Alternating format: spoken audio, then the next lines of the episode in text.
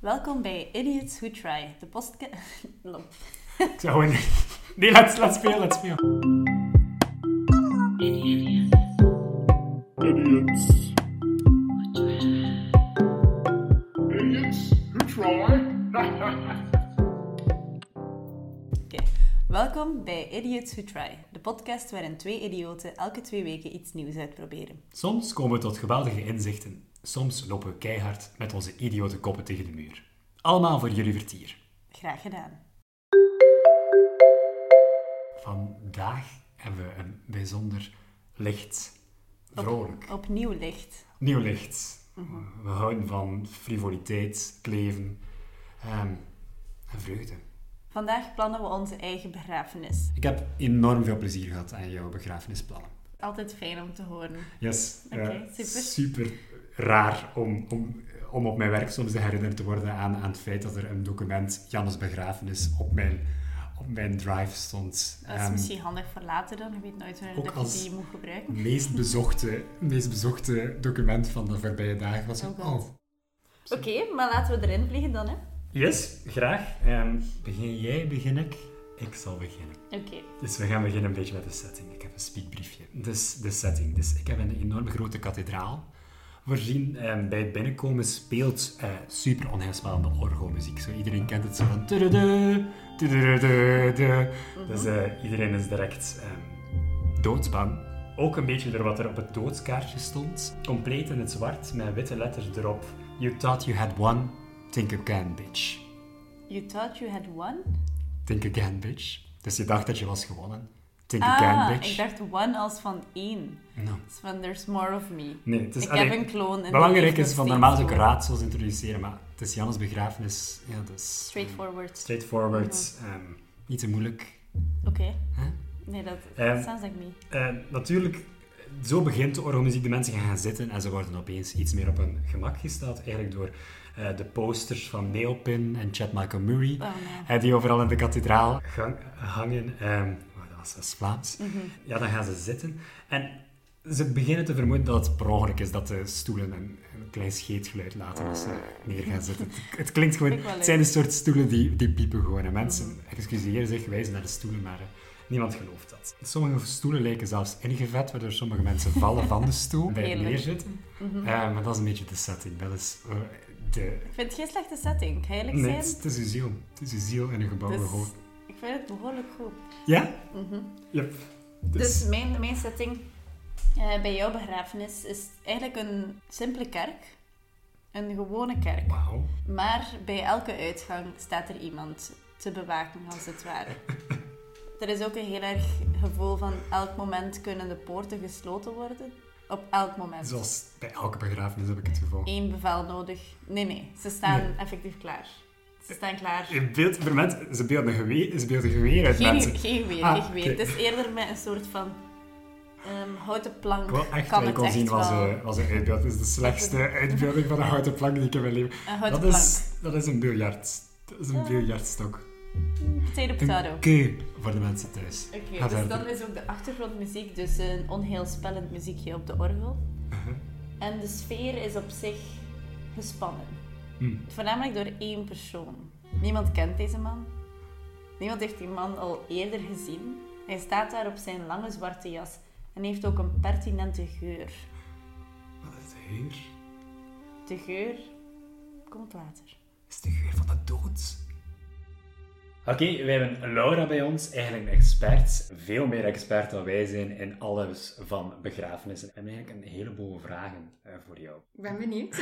Oké, vliegen we misschien direct in. De eerste vraag is eigenlijk, wat doet een begrafenisondernemer allemaal? Wat, wat zit er allemaal in je takenpakket? Ja, dat is heel gevarieerd. Dat gaat van het ophalen van de overleden persoon tot die verzorgen, maar ook een beetje de administratieve last overnemen van de familie, tot het ineensteken van de dienst. Ehm, dus zowel medisch als administratief ehm, gevarieerd. Op welk punt eh, contacteert dan iemand eigenlijk een begrafenisondernemer? De meeste, er zijn heel veel mensen dat eigenlijk al een begrafenisondernemer contacteren ehm, als die persoon op sterven ligt. Maar ja, het is hier ver zo ver, houd u maar klaar. Ah, wow. Echt serieus, gewoon Ah, zo. Of ja, mijn moeder is niet goed, kan ik al iets in orde brengen? Dat we zeggen van ja, zorg dat je die documenten al klaar hebt. Maar het officiële moment eigenlijk waarop dat je een begrafenisondernemer moet ehm, contacteren, is wanneer dat de dokter, de, een arts, effectief het overlijden heeft Ja. vastgesteld. Voor praktische zaken dat ze jullie contacteren op voorhand dan. Ja, ja, ja, inderdaad. Er zijn natuurlijk ook mensen die hun eigen begrafenis vooraf willen regelen. Mhm. En die zeggen dan ook van, ja, mag ik een keer komen? Gewoon echt zo. Of, of zo. Je hebt ook heel discrete mensen. Ja, ik, zou, ik, vraag, ik heb me daar toch wel wat vragen bij gesteld. Want ik ben naar de begrafenis geweest van een vriendin of van een kennis of dit of dat.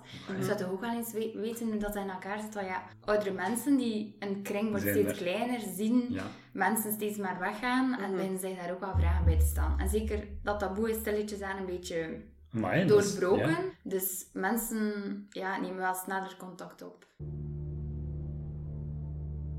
Ja, dit is de eulogy. Ehm, ehm, ehm, ik zal beginnen. Dus dit is de tekst die we zouden voorlezen voor elkaar tijdens de begrafenis. Dit is mijn tekst. Ik wil niet rond de pot draaien. Janne was een vrouw met vijanden. Veel vijanden. Zoveel vijanden dat me, om eerlijk te zijn, verbaasd dat het nog zo lang heeft geduurd voor we hier zaten. De dokter vertelde me na de autopsie dat er minstens zeven verschillende soorten gif in haar systeem hadden gezeten, die elkaar jarenlang in een merkwaardige balans hadden gehouden. Vreemd genoeg waren het uiteindelijk niet te vele moordpogingen die haar fataal werden, maar een onwijze poging om het stukje van de zetel naar de keuken te joggen, in plaats van het gebruikelijke kruipen. Dat ze stierf op het moment dat ze zelf zo onmenselijk vreselijk vond, namelijk één seconde zonder chips in haar mond, doet mij onnoemelijk veel pijn. Maar... Maar waarom is Janne dan uiteindelijk niet een kopje kleiner gemaakt door een van de nu, en nu citeer ik even rechtstreeks uit Jannes testament, vuile poeptrutten? en daarop is mijn antwoord heel eenvoudig. Dat weten jullie maar al te goed, huigelachtige taarten die jullie zijn. Janne heeft een leven lang een imperium aan geheimen, gênante foto's en verhalen van overgeefsessies op meubilair opgeslagen en verzameld. En toen jij, ja jij, met tranen in de ogen smeekte of ze al jouw pijnlijke heimjes voor zich zou houden, had ze geknikt en de volgende woorden gesproken. Ik neem het mee in mijn graf. En terwijl Janne nu samen met alle mensen die in de reclame werken in de diepste put van de hel zit, is ze toch aan het lachen. Want wie laatst lacht, die lacht best. Dankjewel. Dankjewel. Dankjewel. Mooi. Ja, Heel mooi. heel natuurlijk ook. Vooral de, de gifsessies die elkaar Die elkaar zien. balanceren. Mooie ik vond, touch. Mooie ik, vond, touch. ik heb echt zoveel moeite gedaan om sommige zinnen die juist laten klinken, die vergif zijn, bijvoorbeeld super veel moeite. En ik ben nog altijd het blijst met de zin eh vuile poeptrutten. Die niet... Maar naar wie was die specifiek gericht dan? In het testament. Mhm. Dat, dat is Iedereen. onduidelijk. Iedereen. Gewoon Ah. aan de vuile poeptrutten. Hou, laat ik dit na. Je weet wie dat je bent. Wel briljant. Helemaal goed. Dank u. Dank u Heel wel. erg geïntrigeerd. Janne, zeg misschien eens voordat je begint dat je tekst wat je vast hebt. Of is dat, of is dat een spoiler? Ben Nee, ik kan het wel zeggen, maar het is een klein beetje een spoiler. Maar Oh, nee, nee, nee, nee, niet nee, nee, nee, dat hoeft Het zijn vijf spelkaarten. Welke wordt duidelijk in de eulogy. Hier gaan we. Vijf dagen geleden stierf mijn teerbeminde broer. Ons hart werd geschopt, onze ruiten ingeslagen en onze klaveren daverden. Vijf dagen geleden stierf mijn teerbeminde broer. En de vijf dagen daarop kreeg ik elke dag één envelop. In elke envelop zat één speelkaart. Maandag. Een ruiten 2. Dinsdag. Een harte dame. Woensdag. Een klaveren koning. Donderdag. Een joker. Een schoppenjoker. Ja. En gisteren een harte 10 en een mes. 10. 10 verwijzende naar 10 januari, de dag dat hij gevonden werd. 10 als in 10 om te zien. Het programma waarin hij hoopte ooit door te breken en waarvan niemand hem durfde te zeggen dat hij al jaren gecanceld was. 10 als in Tienen, de stad in Vlaams-Brabant bekend om zijn suiker en officiële sponsor van zijn lichaam. Nee. Het cijfer 10 deed er niet toe. Het was de kaart op zich. Doorboord met een mes. Doorstoken. Doorgestoken kaart. Sluit de deuren van de kerk. Doorgestoken kaart. Simpel, elegant, maar o zo onheilspellend. Want Wout stierf niet zomaar, dames en heren. Nee, nee, nee. Hij werd vermoord. Maar door wie? Ik brak mijn hoofd. Veel vijanden, maar gaven ze genoeg om hem te doden? Ik ontving vier speelkaarten, vier mogelijke daders. Een ruiten twee. Twee spelers. Een duo als het ware. Ruiten, oké, maar waarom de ruit? Wie hadden het uitzicht op een beter leven, op überhaupt een leven? Niemand anders. Dat is zijn eigen vlees en bloed. Zijn ouders. Maar de vraag blijft, waarom? Hadden ze niet al lang aangetoond dat ze meer gaven om hun andere twee kinderen? nee, dit duo had geen motief. Zo dus de hartendame. Niet bijzonder subtiel. De dame die zijn hart gestolen had. Waar ze het al die jaren bewaarde, bleef voor iedereen de vraag wel. Maar toch, waarom zou zijn hart die veggen waarvan iedereen al jaren vermoedde dat de liefde toch doodgebloed was, opeens een passiemoord plegen? Onwaarschijnlijk. Dan maar de klavere koning? Dat laatste hield me dagen wakker, want wie was die duistere koning? En pas vanmorgen zag ik hem, helemaal achteraan in de kerk, verscholen in zijn eigen schaduw. De man in de lange donkere jas, die rook naar komijn, koriander en kaneel. Vlak voor de dienst confronteerde ik hem. Maar het bleek de eigenaar van Indian Curry House te zijn. Die ontroostbaar triest was over zijn verlies aan inkomsten. Maar zo intriest dat hij een moord pleegde? Nee, dat niet. Dus de schoppenjoker. Wie denk je? Wie denk ik?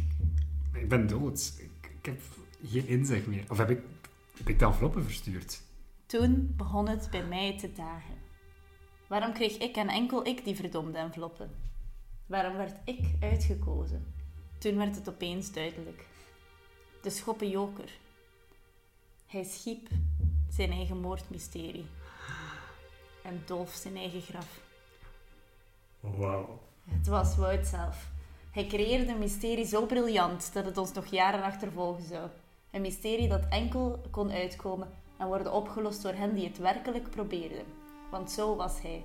Uitkomen met zijn troef tot hij het leven uitspeelde. Slaap zacht, lieve broer. Mooi gespeeld. Ah, nu, nu heb ik een beetje spijt dat ik heb gezegd dat je stierf al joggend naar het keek. Worden jullie zelf soms geëmotioneerd door, door sommige verhalen? Of kunt je er altijd een zeker, afstand zeker. bewaren? In het begin, ehm, toen ik diensten voorging, mocht ik eigenlijk... Ik moest erop letten dat ik niet te veel besefte wat ik aan het lezen was. Mhm. Omdat ik anders continu zelf tranen in mijn ogen keek. Allee, ik ben ook Mhm. maar een mens, ik kan ook maar zoveel dragen.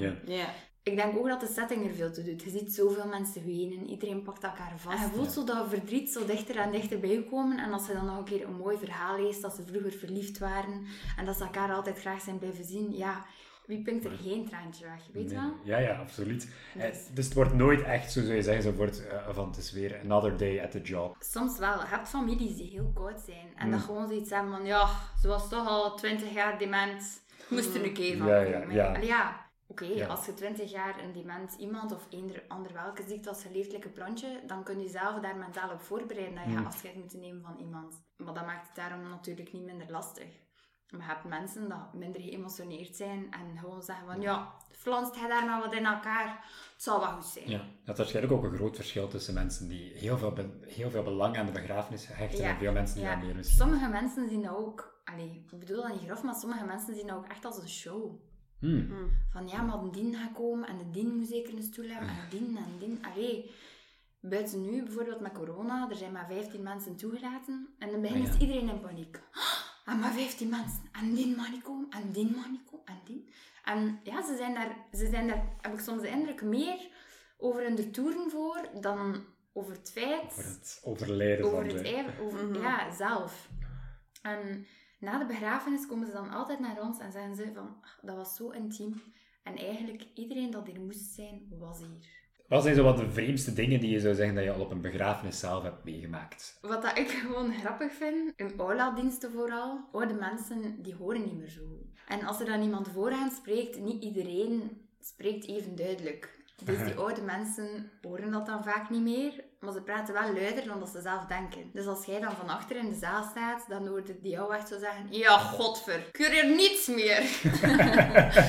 en dat is dan natuurlijk, ja, dat is zo'n echo-effect. Dan hoorde dat voor heel die zaal. En als je daar vooraan staat te lezen, hoorde dat ook. Of eh, ik was een keer, ik was een dienst aan het voorgaan, ik was effectief een, een tekst aan het lezen. En zo echt een mevrouw was heel tijd zo aan het snikken tegen haarzelf. Oh, fijn toch, dat is hier schoon. hè. Oh, dat is hier schoon. hè." Zo van die dingen. Ah, ook oude man.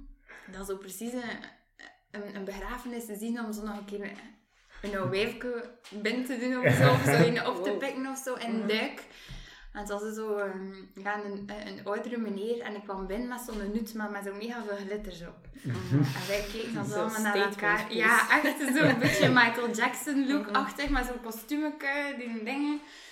En ik en ah ja, al onze werknemers keken zo naar elkaar van, ja, wat gaat dat hier zijn? Ja, dus iedereen gaat naar voren om, ehm, ja, om, om een kaartje te nemen. En dan de familie achter de begrafenis stond daar van achter. En inderdaad, allee, je kon die zo'n beetje observeren. En die was echt gewoon de weduwe aan het versieren. Maar kende, hij, kende hij de overleden persoon of had hij gewoon zoiets zo van... Maar ja, ik- kennen, dat is ja. allemaal in hetzelfde Ja, dorp. ja, ja, ja. Je wist zo wel wat... Dus je wist wel wie dat er binnenkwam, van ja, zal hier wel weer wat gebeuren? zit al jaren te azen op die... Ja. Op die, op Maar die ja, niet te azen, je- je weet gewoon dat is- dat is een vrouwenzot. Ja, ja. En die komt dan binnen en hij is, wat doet die niet? En je weet wel, het is hier een begrafenis, het is hier geen café. En dan gaat hij de familie groeten en zie je dat hij zo aan het proberen is. En Moet u het zelf, zelfvertrouwen inbeelden van iemand die zegt ik ga naar een begrafenis, ik doe Ja. mijn glittergoed aan. Ja. En, en dus dat is een zwarte glittergoed. dat is- Ook ja, zo dus- geen dus- weekje wachten. Nee. Ik zal er echt geen gras over laten groeien.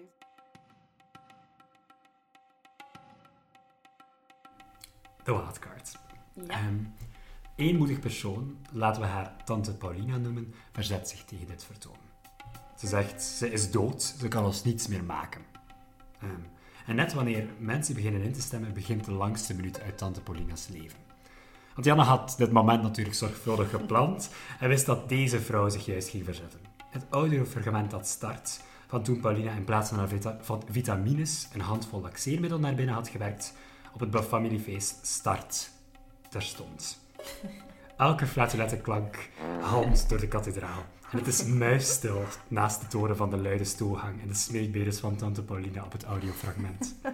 Dan halmt Janne's stem ogenschijnlijk vanuit het graf. In tegenstelling tot wat je deed op dit nood- noodlottige familiefeest, blijf zitten. Dat is de tekst. Mooi. Waardoor iedereen op dat punt weet van, dus dat moest even gebeuren, het moment dat eh, mensen zich verzetten tegen deze persoon. Ehm, Wel, deze persoon kan ons niet kwellen na het graf. Instant zijn ze tegen mij aan het keren, zelfs op mijn begrafenis. Het is een beetje, je hebt letterlijk gezegd in de begrafenis van, ik maak jullie kapot, ik ga al jullie geheim laten uitkomen. Sorry, fair. Ja, ja, ja. Fair. Het is geen discussie over hoe fair dat is, het is 100% fair. Absoluut. Ja, you. Van, Als er iets is wat je op dat punt mocht. Ehm, maar dat is dus wat er gebeurt. Oké, Paulina, Ehm, Ik ben blij dat er ook opnieuw schietgeluiden in, vermengd geraakt zijn. Zou uw begrafenis zou niet zijn zonder scheetgeluid, Ja. ook natuurlijk. Heel graag bij die begrafenis aanwezig zijn. Ja. Maar hoe ben ik aan die laxeer... Die tape geraakt? Ah, dat is gewoon... Dat is een beetje het ding. Je hebt een imperium van geheimen opgebouwd doorheen je leven. Hè. Klopt. Ehm, en iedereen is altijd in continue angst. Dus sommige mensen hebben nog moordpoging ondervonden om, om ervoor te zorgen dat het niet uitkwam. Mhm. Maar je wist, ehm, je wist dat, dat dit moment ooit ging komen. Mhm. Het moment dat al uw vijanden daar samen zaten en tot op de grond vernederd ging worden. Mhm. Ehm, goed, mijn koffietafel. Ehm, dus eh, je moet je inbeelden, ze komen net uit de kerk en dat was de afschuwelijkste ervaring uit iedereen's leven. In de zin van continu aan de lopende band, al de gênante verhalen die uitkomen, beelden die zijn verzameld geweest, die geprojecteerd worden op de muur. Ehm, niemand, niemand is er ongeschaad van uitgekomen, maar iedereen heeft zo bijna zo'n beetje het gevoel van, ehm eenmaal dat het gedaan is, van, amai, eigenlijk was bijna een beetje een catharsis. Ik ben, hier, ik ben hier doorgekomen, ik ben gegroeid als persoon, er zijn geen geheimen meer. Eh, er is een behoorlijk veel sterke drank die wordt ge- geserveerd en mensen ehm, vliegen daarop om, om, om het gevoel te krijgen van we zijn er eindelijk weer vanaf. Iedereen, iedereen krijgt een heerlijk aperitief. Eh, Er is Indisch eten en Mexicaans vooral. Dat zijn de twee... Oh god, ik voel hem alweer aankomen. Nee, you do not. Dus, dus ehm, enkel voor Tante Pauline is er een handvol laxeermiddel voorzien, ehm, die heel publiek wordt gedaan, eh, wordt gebracht. Maar de koffietafel wordt bruut verstoord wanneer iemand in sport, leerkrachtuniform, binnenwandelt in de koffietafel en schreeuwt iedereen opstaan. En Iedereen moet hem volgen naar een volgende locatie. Ik ga nooit vergeten, ehm, dat waren vier broers, maar die kwamen precies alle vier uit een ander gezin. Die hadden zo precies alle vier een andere kijk op het leven. Die ene broer was toch nog altijd echt zo'n outsider. Ja, dat kan, hè, dat je met drie een beetje meer samenklikt dan de andere. En die, die outsider kwam binnen en die zei, ja, ik wil nog een familiefoto. En ik dacht, ik heb dat hier niet, ik heb dat hier niet juist verstaan. Het zal wel, weet ik, ga gewoon ja. even wachten, het zal wel niet zijn. En ineens komt die vent echt naar mij en hij doet daar zo dat fototoestel in mijn hand. En ik zeg, de familiefoto, hè? Ja, ja, ja, ja, trek maar, trek maar. Je bedoelt dan dat je echt gaat, gaat poseren? Ja, ja, ja, ja, een familiefoto. Dus die broers stonden echt alle vier op een rijtje naast een overle- overleden moeder. En ik moest daar zo echt foto's van Ja. trekken. En ik had ene getrokken en ik dacht, ja, oké, misschien twee. Ik zal er twee zeggen. Ja, ja. Nee. En dan had ik al gedaan en die zei, ja, doe maar nog, doe maar nog. Volledige fotoshoot. Ja. En dan had ik echt zoiets van, oké, weet je? Ja. Je dacht hier zo van, ik ben die foto's van een, een, een dode mev- een mevrouw aan het trekken, een overleden persoon, met haar vier zonen naast. Dat is een, een beetje... Soms heb je niet een omslagfoto nodig Mhm. op, Ja. op Facebook. Maar aan de andere kant dacht ik van, ja, kijk, weet je, als die mensen daarmee gelukkig zijn Ja. en die wil dat per se, maar was die ene broer buiten en die andere broer barstte dan in tranen uit dat hij dat had moeten doen en dat hij zich verplicht voelde. En Ja. dan breekt je hart ook wel ergens van, hij zei wel degene dat die foto's heeft genomen.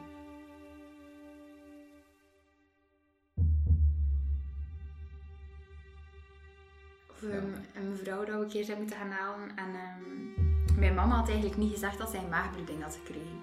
En mijn mama zei gewoon, ja, ehm, je moet mij komen helpen. ehm, je moet daar komen, allee, komen wassen samen met mij en we gaan dan haar kleren aan doen. Ja, alleen een overledene verzorgen, dat is niet, een overledene bez- eh, verzorgen, dat is niet zo gemakkelijk. We doen dat altijd met twee. Dus ik begin daaraan en mijn mama zegt, ja, trek een keer aan haar arm. Omdat we zo die blouse moesten.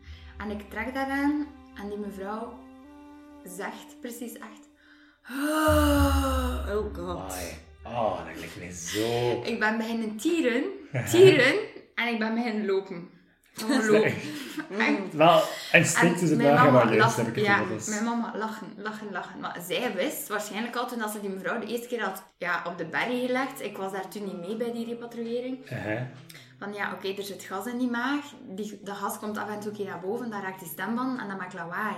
Maar toch, En ja, zij had dat niet tegen mij gezegd. en achter, ik zei, oh my god, wat was dat? Ik was echt aan het beven. Echt aan het shaken, niet normaal. Uh-huh. En mijn mama zei van, ja, Laura, ze heeft, ze, eh, ze ze zei wel een, ehm, een maagbloeding gehad. Hè. Ik zei, oh. Normaal gezien, als wij de, de overleden persoon gaan ophalen, dan verzorgen wij die zelf. Maar die persoon moet daar per se bij zijn, als we Ja. die wasten. Het is wel niet dat wij die gelijk in een, in een bedje leggen of in een douche zetten of zo. En ja, nee, dat is zo'n koude ijzeren tafel met zo'n planken op. Ja. Wij moeten die persoon met een katrol echt Ja. verslepen. Ik bedoel, Nee, ja, ook ja. al weegt zij maar 60 kilo, dat is 60 kilo dat niet meegeeft. Hè. En ja, die arm, dat vliegt daar dan. Het is een heel waardig moment voor hen om erbij te zijn. Ja. En ik kan ergens wel begrijpen dat je dat daarbij wilt zijn. Maar ergens denk ik ook dat dat voor mensen Lastig. aan een, een lastige en ergens een traumatische ervaring Ja. is. Ja. Ook al gaan wij met veel respect en zorg om, soms vliegt die een arm daar een keer. Tuurlijk, of ja. allee, soms sliert dat been een keer van dat bed als je een broek aan het aandoen bent of zo. Ik zeg het, het is 60 kilo of Nee, nee, allee, in de meeste gevallen veel meer dat daar ligt. En dat geeft niet mee, hè. dat hangt daar letterlijk of ligt daar gewoon. Hè. Zeg, Janne, waar ben ik begraven? Wout, wat dat eigenlijk de rode draad in dit spel is bij mij, ik weet niet of dat door is, maar het zijn de kaarten. Dus Oké. Nee. Dat bij de kaarten Ja. zijn er eigenlijk vier verdachten in uw dood geweest. Dus het is uw twee ouders, de ruiten twee, uw vriendin, Leen, en de uitbater van de Indian Curry House. Ja. eigenlijk was het, was het zo van, er was echt een ongelooflijke discussie. Mhm. Van, oké, hoe gaan we hem nu uiteindelijk ten ruste leggen? En iedereen had eigenlijk een ander voorstel. Het voorstel van de Indian Curry House was een Chinese begrafenis. Chinese begrafenis is, no joke, begraven worden met een voorwerp. In dit geval een frigo met Indian Curry House leftovers. ja. Absoluut. Ja. Ehm, wat dus ook trouwens een side note is, wat ik ging doen, maar dan dacht ik dat is te grof. Je kan niet als vrijgezel worden begraven in China. Dus dan koopt de familie een effectief lijk op om erbij te leggen. Nee. Mhm.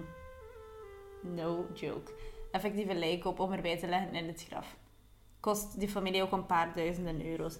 En ik heb zelfs een paar duizenden euro's. Mhm. Om... op een lijk op te kopen. Ja. Hm. Want je kunt niet alleen de hemel zogezegd binnengaan. En ik heb zelfs ook een artikel gevonden van iemand waarin dat de familie geen lijk wou betalen en die gewoon heeft begraven met een opblaaspop. Dat klinkt wel een beetje als Dus wat er bij mij zou gebeuren. Laten we was het eigenlijk dus nummer 1 is de optie, oké, een frigo met Indian Curry House leftovers Ja. en een opblaaspop. Ja.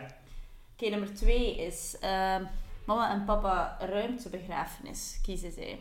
Een ruimtebegrafenis is effectief, je wordt gecremeerd en je as wordt de ruimte ingeschoten.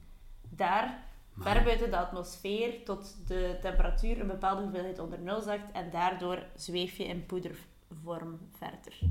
Als space dust. Dit Ah. omdat ze eigenlijk zo ver mogelijk van u verwijderd willen zijn. Ja. Eh, Oké. En, Ah. en Lien ging eigenlijk voor eh, mummificatie.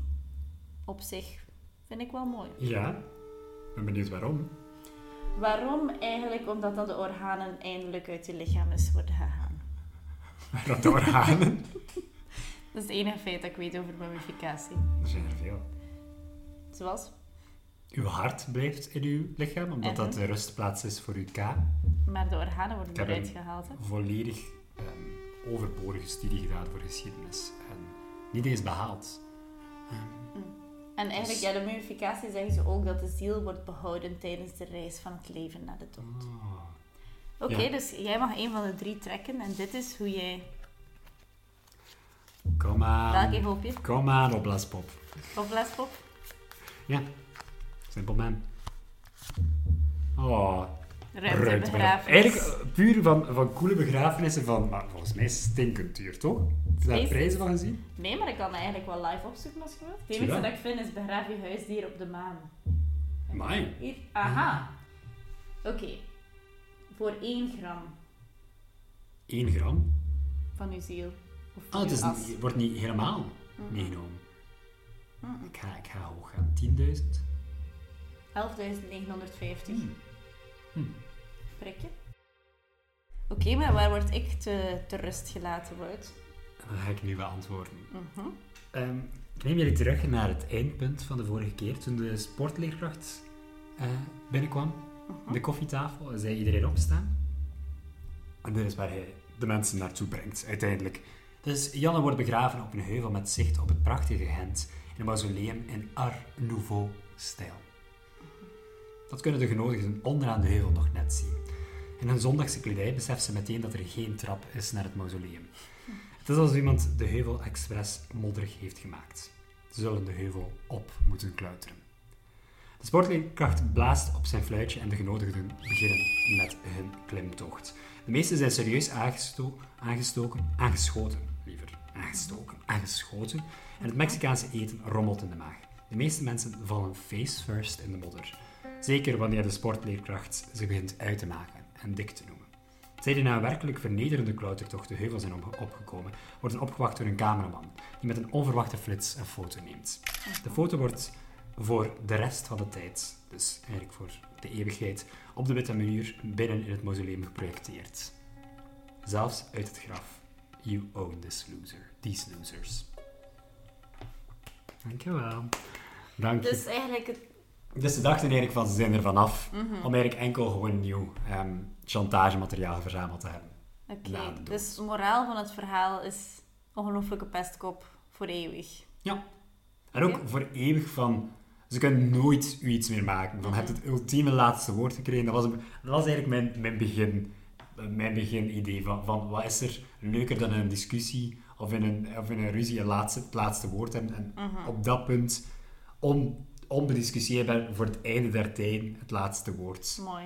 En ik zou zelf bediscussiëren dat die camera gewoon op het mausoleum kan blijven staan. Dus als mensen zo gaan kijken van wat is er hier aan de hand, breidt het eigenlijk enkel een soort, uit. soort van ehm, rollercoaster geweest eigenlijk. Wordt een soort van foto getrokken Ja. op het einde. Oké. Ja.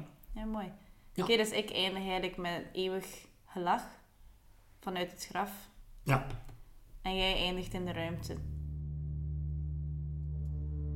We hebben wel een keer gehad ehm, dat er een mevrouw haar eigen urne had besteld online. Wow. En zij kwam dus bij ons en zij zei, ja, ehm, kijk, je moet dat hierin doen. En mijn mama had zoiets van, ja, maar, sorry, maar dat is wel niet hoe dat werkt. Maar ze dacht, kijk, ja, ik kan er nu moeilijk nog iets op zeggen. En ze begint die de mensen dus over te gieten en die urne is te klein. Amai. Ja, het mensen staan, daar niet bij, allee, mensen staan daar niet bij stil dat producten dat wij aanbieden wel voorzien zijn Ja, of voldoen aan ja. bepaalde eisen. Ja, Aha. met een reden. Er, er was onlangs iemand en die zei: Ja, ehm, mijn begrafenis mag niet veel geld kosten. Ehm, mijn kist, mijn broer gaat dat zelf in elkaar timmeren. Ja, maar nee, dat gaat niet zomaar. Niet omdat, dat, omdat wij daar dan geen geld aan zouden verdienen, maar een kist moet voldoen aan bepaalde eisen. Dat moet zo brandbaar zijn, dat mag maximum zoveel wegen. Allee, weet je wel? Ja, ja, ja. Ik denk dat mensen daar niet bij stilstaan, dat er daar ook een soort van industrieel proces achter zit. Dat hij in de oven gaat en hij mag daar maar maximum zo lang in zitten. Ja, dat Dat inderdaad is niet zo. Maar wat de Ja. werken ze van, ik denk dat ik hem vandaag op 850 ga Ja, een en- beetje extra. En, eh, nee, ja. dat is niet. Dat is Nee. niet. Ja, daarmee dat mensen ook vaak zeggen, het crematorium, dat is een fabriek. Ja, dat verbranden is inderdaad een redelijk industrieel gegeven. Hè. Ja, je Ja. geeft hij je kist daaraf.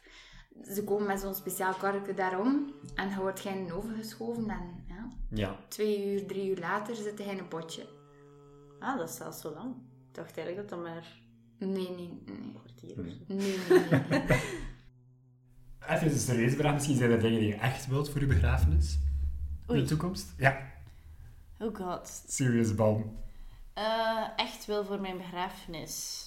Hmm. Ik ben wel van plan om iedereen zijn geheimen op dat moment vrij te geven. Dat was, van, wat kan er hier nog gemaakt worden? dat was op zich wel sowieso al een plan van Ik heb ook wel echt, een, dat heb ik al veel gezegd, een, een echte obsessie om, om, ik wil alle mensen die het minst goed kunnen zingen uit mijn leven, verplichten met mijn dying wish om iets te zingen op mijn begrafenis. Dat kunnen ze onmogelijk weigeren en ik denk dat dat heel aangenaam gaat zijn. Vooral voor hen ook. Nee? Oké, ik kan nog niet wachten. Ja, het wordt fantastisch. You're not invited.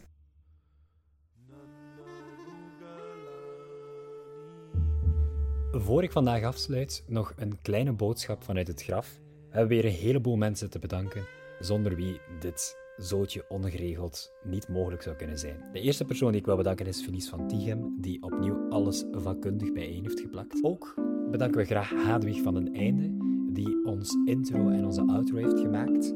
Guust Scheerling en Wout Blad, die fantastische muziek voorzien. En Nathalie Leijen en Jasper Verbeek, dat zijn onze grafische helden. Vandaag willen we ook in het bijzonder Laura Haantjes bedanken, die ons heeft ingeleid in de mysterieuze wereld van het begrafenisondernemen. We hopen dat jullie van hebben genoten. Er komt opnieuw weer een heleboel jullie richting uit. Om zeker te zijn dat je niets mist, volg je ons best op Instagram, naam van Idiots Who Try, en op Spotify. Idiots.